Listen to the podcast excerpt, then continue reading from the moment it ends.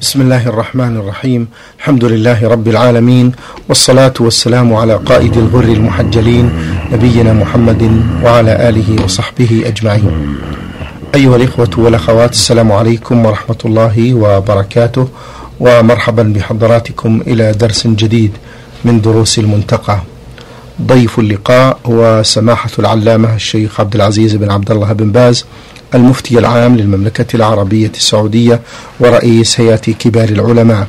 مع مطلع هذا اللقاء نرحب بسماحة الشيخ. فأهلا ومرحبا سماحة الشيخ. حياكم الله وبارك فيكم حياكم الله سماحة الشيخ. الحقيقة بقي أسئلة في الباب السابق سماحة الشيخ. نستأذنكم في طرحها في باب وقت صلاة المغرب. فأقول آه، في هذا السؤال ما السور التي آه، يستحب أن يقرأها المسلم في المغرب يا شيخ؟ بسم الله الرحمن الرحيم. الحمد لله وصلى الله وسلم على رسول الله وعلى آله وأصحابه ومن اهتدى بهدى أما بعد فقد تنوعت قراءة النبي صلى الله عليه وسلم في صلاة المغرب. فقرأ فيها بطول الطولين الأعراف في بعض الأحيان وقسمها في ركعتين وهي الأعراف وقرأ فيها بالطور وكان يقرأ فيها بالمرسلات كما روى ذلك أم هشام بنت حارثة بن النعمان وقرأ فيها بقصار مفصل. فالسنة فيها الغالبة أن يقرأ فيها بالقصار المفصل وإذا قرأ الإمام بعض الأحيان من أوساط المفصل أو من طوال فلا فلا بأس. عمل بالسنة كلها. نعم. الشيخ حفظكم الله قراءة سورة الأعراف كاملة قد تشق على الجماعة. هل يخبرهم قبل أن يقرأها؟ لا حاجة لا يقرأها. الأولى أن لا يقرأها لأن فيها مشقة على الناس. ولم يحفظ عنه صلى الله عليه وسلم إلا مرة. أنها قرأها إلا مرة. وإنما وإنما يؤخذ بالآخر بل في الآخر من أفعاله صلى الله عليه وسلم وأقواله. فكان في آخر حياته يقرأ بالمرسلات وبقصر مفصل عليه الصلاة والسلام. نعم. حفظكم الله. آه، في الحديث في حديث مروان بن الحكم آه، قال قال لي زيد بن ثابت ما لك تقرأ في المغرب في المغرب بقصار المفصل؟ آه، سماحة الشيخ كيف ينكر زيد بن ثابت قراءة مروان بقصار المفصل في المغرب مع أن هذا هو الغالب من فعل الرسول صلى الله عليه وسلم؟ كل واحد من الصحابة قد خفى عليه بعض أمر النبي صلى الله عليه وسلم فلعله خفي عليه بعض الأشياء في ما كان فيما كان يفعله صلى الله عليه وسلم في آخر حياته. زيد حفظ شيئا وغيره من الصحابة حفظوا أشياء. اللهم ارضى عنهم جميعا. والعبرة بما ثبت في السند وقد ثبت عنه صلى الله عليه وسلم كان يقرأ في المغرب بقصار المفصل وفي العشاء بأوساطه. فالأمر واسع بحمد الله. نعم. والمراد بقصار المفصل سماحة الشيخ؟ على على ظاهره مثل والليل إذا يغشى والضحى ومثل والتين والزيتون ومثل العصر ومثل القارعة ومثل والسماء والطارق ومثل أشبه ذلك. نعم. أخيرا بعض الأئمة في صلاة المغرب بمجرد أن ينتهي المؤذن من الأذان يأمره بالإقامة. هل يستجيب؟ لا السنة لا يعجل. السنة أن يتريث بين الأذان وبعض الشيء بين بعد الأذان. كان النبي صلى الله عليه وسلم لا يقيم بعد الأذان يتأخر. وكانوا يصلوا بعد الأذان ركعتين. ويقول صلى الله عليه وسلم بين كل آذان صلاة بين كل آذان صلاة بين كل آذان صلاة من شاء. ويقول صلوا قبل المغرب صلوا قبل المغرب ثم قال في ثاني من شاء. فدل على أنه لا يعجل بالإقامة بل يكون بين الأذان والإقامة فسحة. يمكن أن يصلي فيها الناس ركعتين كما أشار النبي صلى الله عليه وسلم ونصح وأوصى. اللهم صل عليه وسلم. اللهم صل وسلم عليه. قال المؤلف رحمه الله تعالى باب تقديم العشاء إذا حضر على تعجيل صلاة المغرب. عن أنس بن مالك أن النبي صلى الله عليه وسلم قال إذا قدم العشاء فابدأوا به قبل صلاة المغرب ولا تعجلوا عن عشائكم.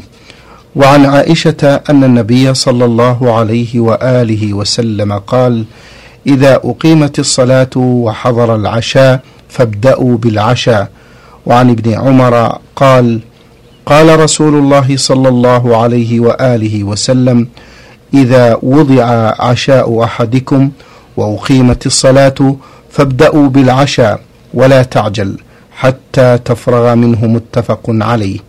وللبخاري وأبي داود وكان ابن عمر يوضع له الطعام وتقام الصلاة فلا يأتيها حتى يفرغ منه وإنه لا يسمع قراءة الإمام. نعم.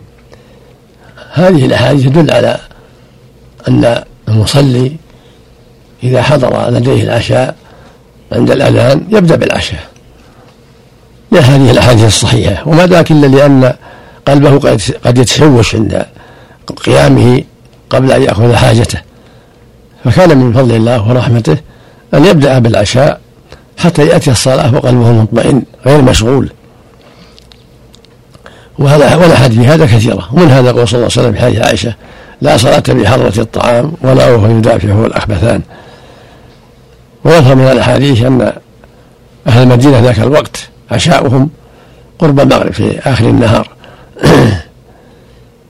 ولهذا ذكر إذا قرب العشاء فبدأوا قبل أن تصلي المغرب. وهذا يعم المغرب غير المغرب. فلو كان العشاء قرب أذان العصر أو الغداء قرب أذان العصر فإنه يبدأ به. وهكذا لو كان العشاء قرب أذان العشاء فإنه يبدأ به. والمقصود أنه يأتي الصلاة بقلب مطمئن ليس متعلق بالعشاء. أو ليس بمتعلق بالعشاء ولكن لا ينبغي للمؤمن أن يتخذ هذا عذرا له وأن يأمر أهله بإحضار العشاء عند عند الأذان. فإن هذا يكون قد تعمد التأخر عن صلاة الجماعة. لكن إذا صادف أنه قدم العشاء أو حضر العشاء عند عند الأذان فإنه يبدأ به. أما يتخذ عادة هذا عادة هذا معناه تعمد التأخر عن الصلاة في الجماعة. ولا حول ولا قوة إلا بالله. نعم. حفظكم الله. استدل بعض الكسالى سماحة الشيخ. على جواز التخلف عن الصلاة بحجة الأكل وهذا يحدث منهم دائما. وهذا مثل ما تقدم لا يتعمد. أنه النبي صلى الله عليه وسلم قال وحضر العشاء. قدم الطعام أما كون يتعمد أن يقول لأهله قدموه عند الأذان هذا معناها تعمد التخلف عن صلاة الجماعة. فلا يجوز هذا. ولكن متى صادف أنه قدم العشاء وهو يؤذن أو حضر عند عند القوم وهم يتعشون. أكل معهم وقد قضى حاجته. ولا ولا حرج عليه في ذلك. لكن ليس له يتعمد اتخاذ تقديم العشاء عذرا له في التخلف عن الجماعة ويعمد أهله بذلك. نعم. ما الحكمة سماحة الشيخ من كون المرء يقدم الطعام على أفضل العبادات وهي الصلاة؟ أنه إذا جاء إلى الصلاة وقلبه معلق بالطعام لم يصليها كما ينبغي بالطمأنينة والخشوع والإقبال عليها بل يكون قلبه معلقا بالطعام. والله يقول قد أفلح المؤمنون الذين هم في صلاتهم خاشعون. الصلاة جديرهم بالعناية والإقبال عليها بالقلب والقالب فلا ينبغي يكون في قلبه شواغل تشغله عنها. فإذا قدم العشاء بدأ به حتى يأتيها بقلبه فارغ مقبل عليها خاشع فيها. أحسن الله إليكم. إذا بدأ بالأكل وأقيمت الصلاة هل يستمر حتى يشبع الشيخ أو يكتفي بالقيمات؟ لا لا حتى ينتهي نعم حتى تنتهي حاجته. نعم. مثل ما مثل ما في الحديث نعم. نعم. ذكرتم حديث الشيخ لا صلاة بحضرة طعام لعلكم تشرحونه؟ رواه مسلم لا صلاة بحضرة الطعام. نعم. وله يعني المعنى يبدأ بالطعام ولا يقدم الصلاة عليه. نعم. قال المؤلف رحمه الله تعالى باب جواز الركعتين قبل المغرب. عن أنس قال كان المؤذن إذا أذن قام ناس من أصحاب النبي صلى الله عليه وآله وسلم يبتدرون السواري حتى يخرج النبي صلى الله عليه وسلم وهم كذلك يصلون ركعتين قبل المغرب ولم يكن بين الأذان والإقامة شيء وفي رواية إلا قليل رواه أحمد والبخاري. وفي لفظ كنا نصلي على عهد رسول الله صلى الله عليه وآله وسلم ركعتين بعد غروب الشمس قبل صلاة المغرب فقيل له أكان رسول الله صلى الله عليه وسلم صلاهما؟ قال كان يرانا نصليهما فلم يأمرنا ولم ينهنا. رواه مسلم رواه مسلم وأبو داود. وعن عبد الله بن مغفل أن رسول الله صلى الله عليه وآله وسلم قال صلوا قبل المغرب ركعتين. ثم قال صلوا قبل المغرب ركعتين. ثم قال عند الثالثة لمن شاء كراهية أن يتخذها الناس سنة. رواه أحمد والبخاري وأبو داود. وفي رواية بين كل أذانين صلاة. بين كل أذانين صلاة. ثم قال في الثالثة لمن شاء؟ رواه الجماعة. وعن أبي الخير قال أتيت عقبة بن عامر فقلت ألا أعجبك من أبي تميم يركع ركعتين قبل صلاة المغرب؟ فقال عقبة إنا كنا نفعله على عهد رسول الله صلى الله عليه وسلم. قلت فما يمنعك الآن؟ قال الشغل رواه أحمد والبخاري.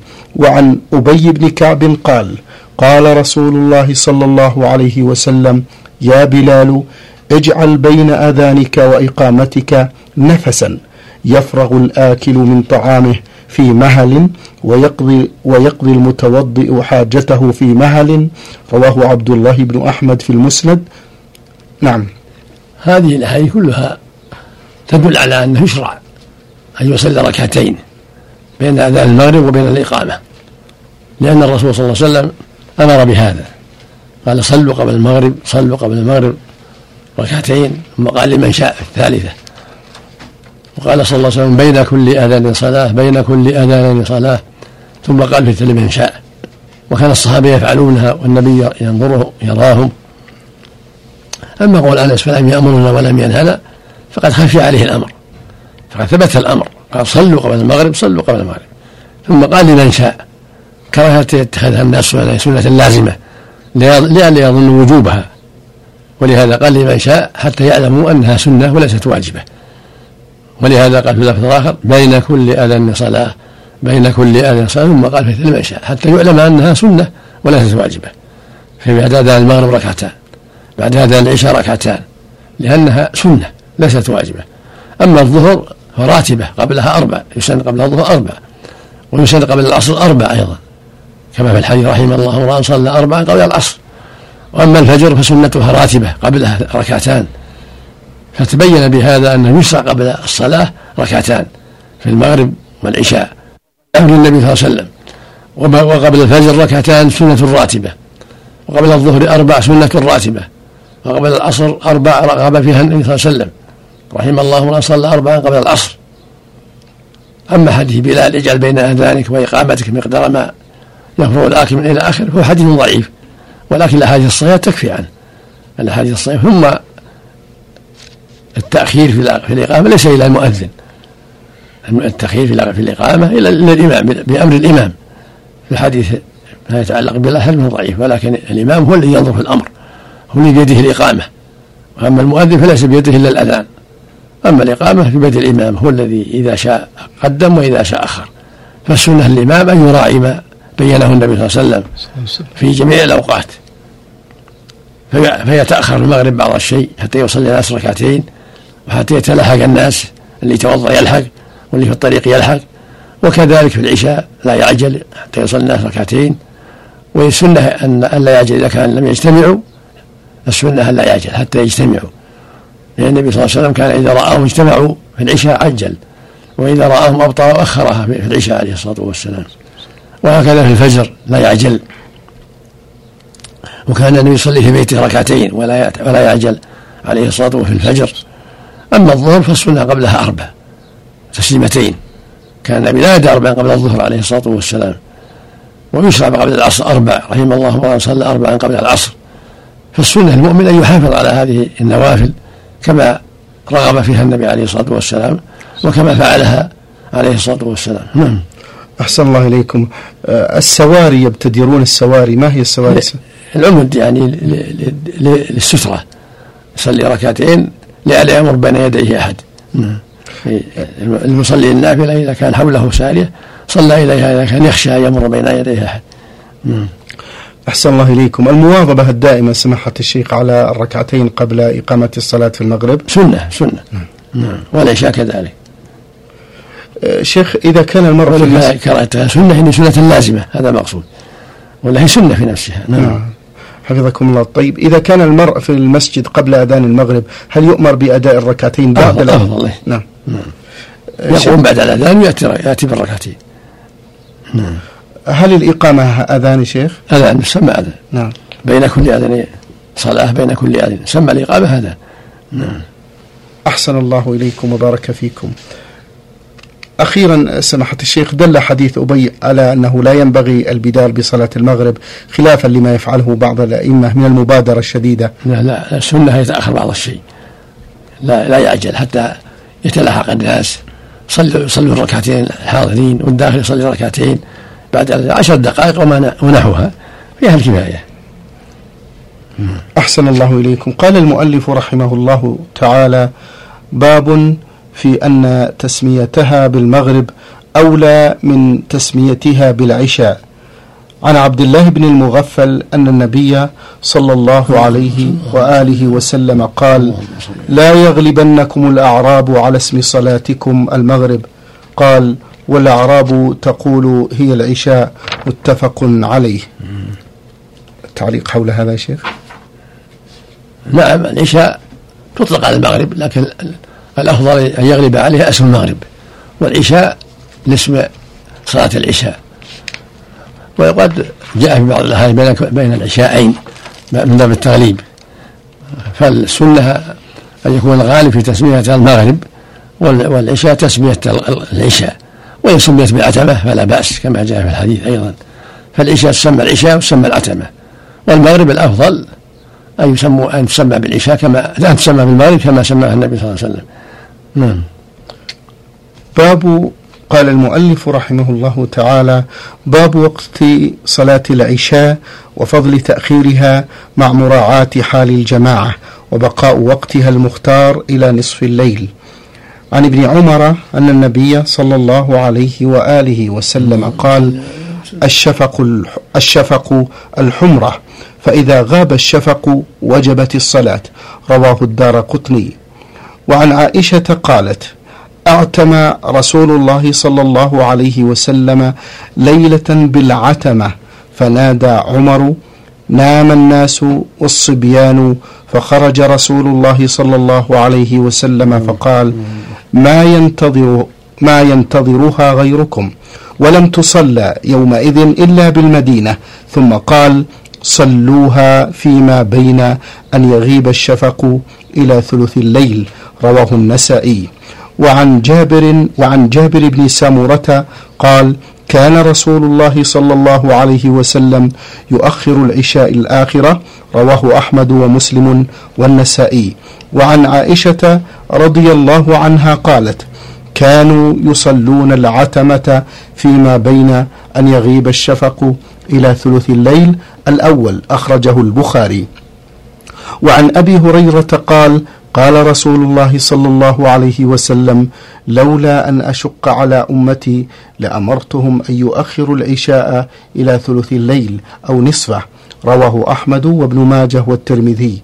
وعن جابر قال كان النبي صلى الله عليه وسلم يصلي الظهر بالهاجرة والعصر والشمس نقية والمغرب إذا وجبت والعشاء أحيانا يؤخرها وأحيانا يعجل. إذا رآهم اجتمعوا عجل وإذا رآهم أبطأوا أخر. والصبح كانوا أو كان النبي صلى الله عليه وسلم يصليها بغلس متفق عليه.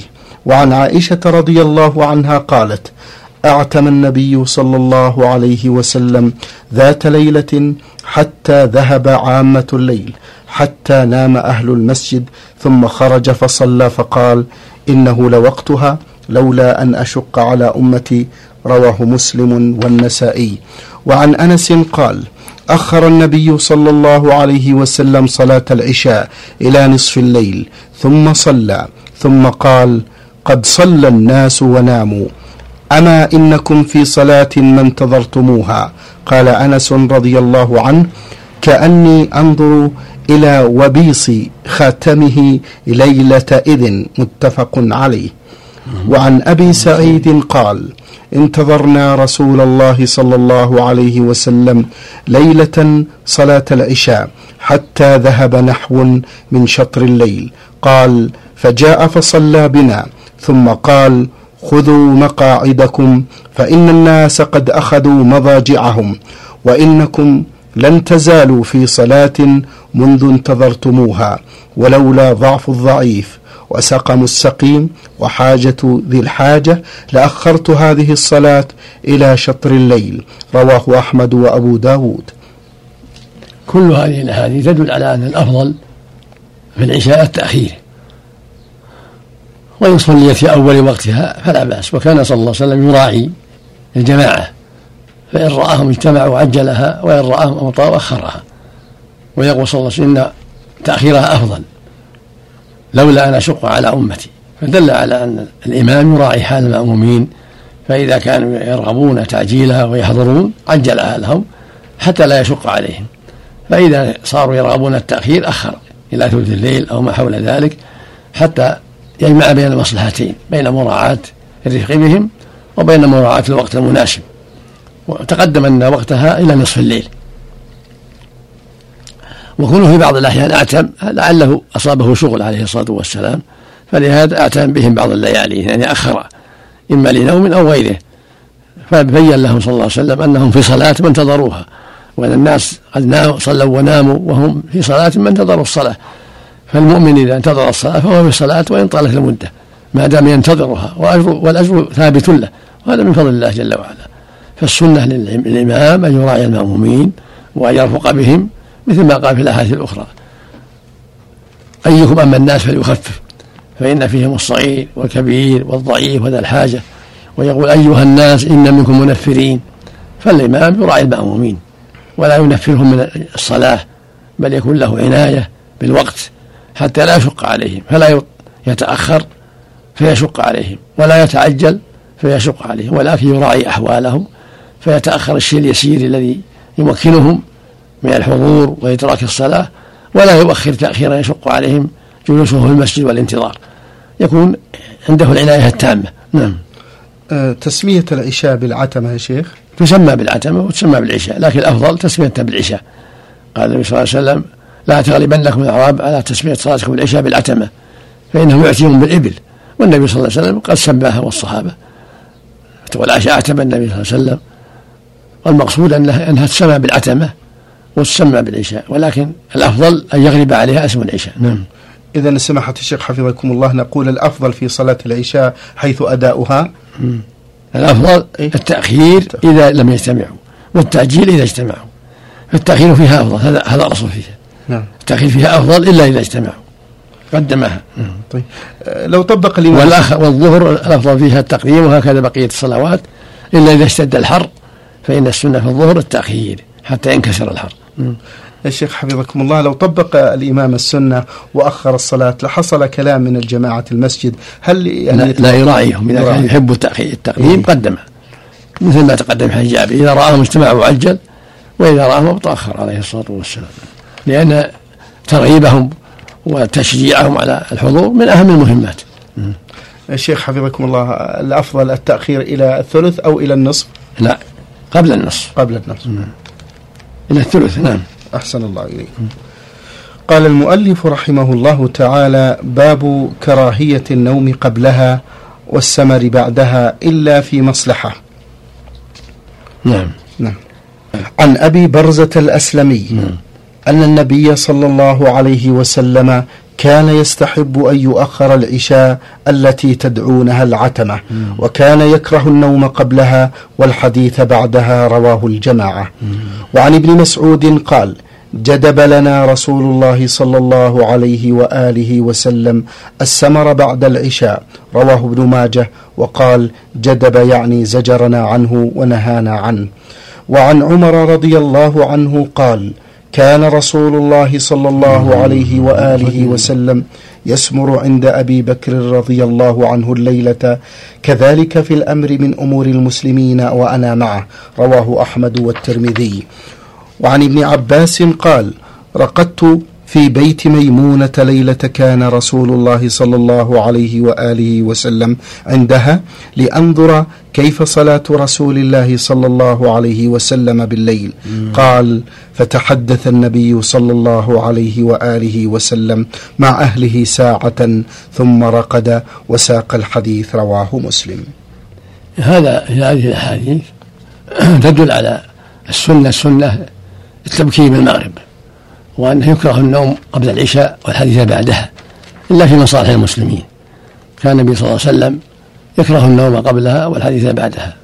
وكان كما تقدم يبادر المغرب لكن بعد الأذان بقليل كما تقدم. وكان في العشاء يكره النوم قبلها والسمر بعدها إلا في مصالح المسلمين كما قال عمر كان الصديق رضي الله عنه يسمر مع النبي صلى الله عليه وسلم في مصالح المسلمين ومعهم عمر.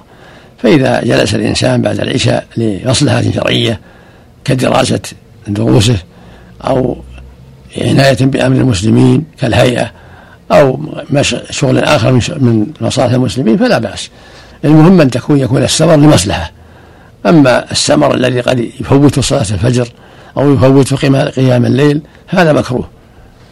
ولهذا زجر النبي عن السمر بعدها وجدب السمر بعدها يعني نهى عنه منع منه لئلا يشق يوقعهم في النوم عن الفجر أو يشغلهم عن قيام الليل.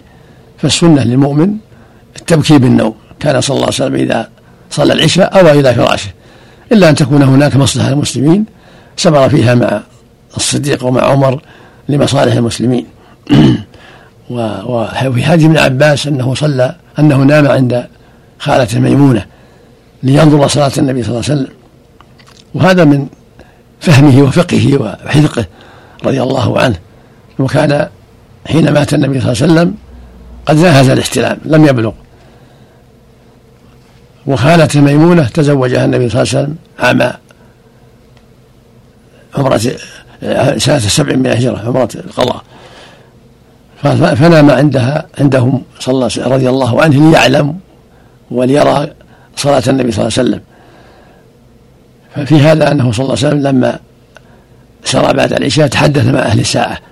هذا يدل على حسن خلقه صلى الله عليه وسلم وأن كان يحادث أهله وينبسط معهم عليه الصلاة والسلام ثم نام. وفي دليل على جواز نوم الصغير عند الرجل وأهله. إذا كان لم يبلغ فإنه كان رضي الله عنه. في في, في نومه عند ميمونة قبل البلوغ. كان قد نهز الاحتلام كما أخبر عن نفسه فدل على مثله لا بأس أن ينام عند الرجل وأهله.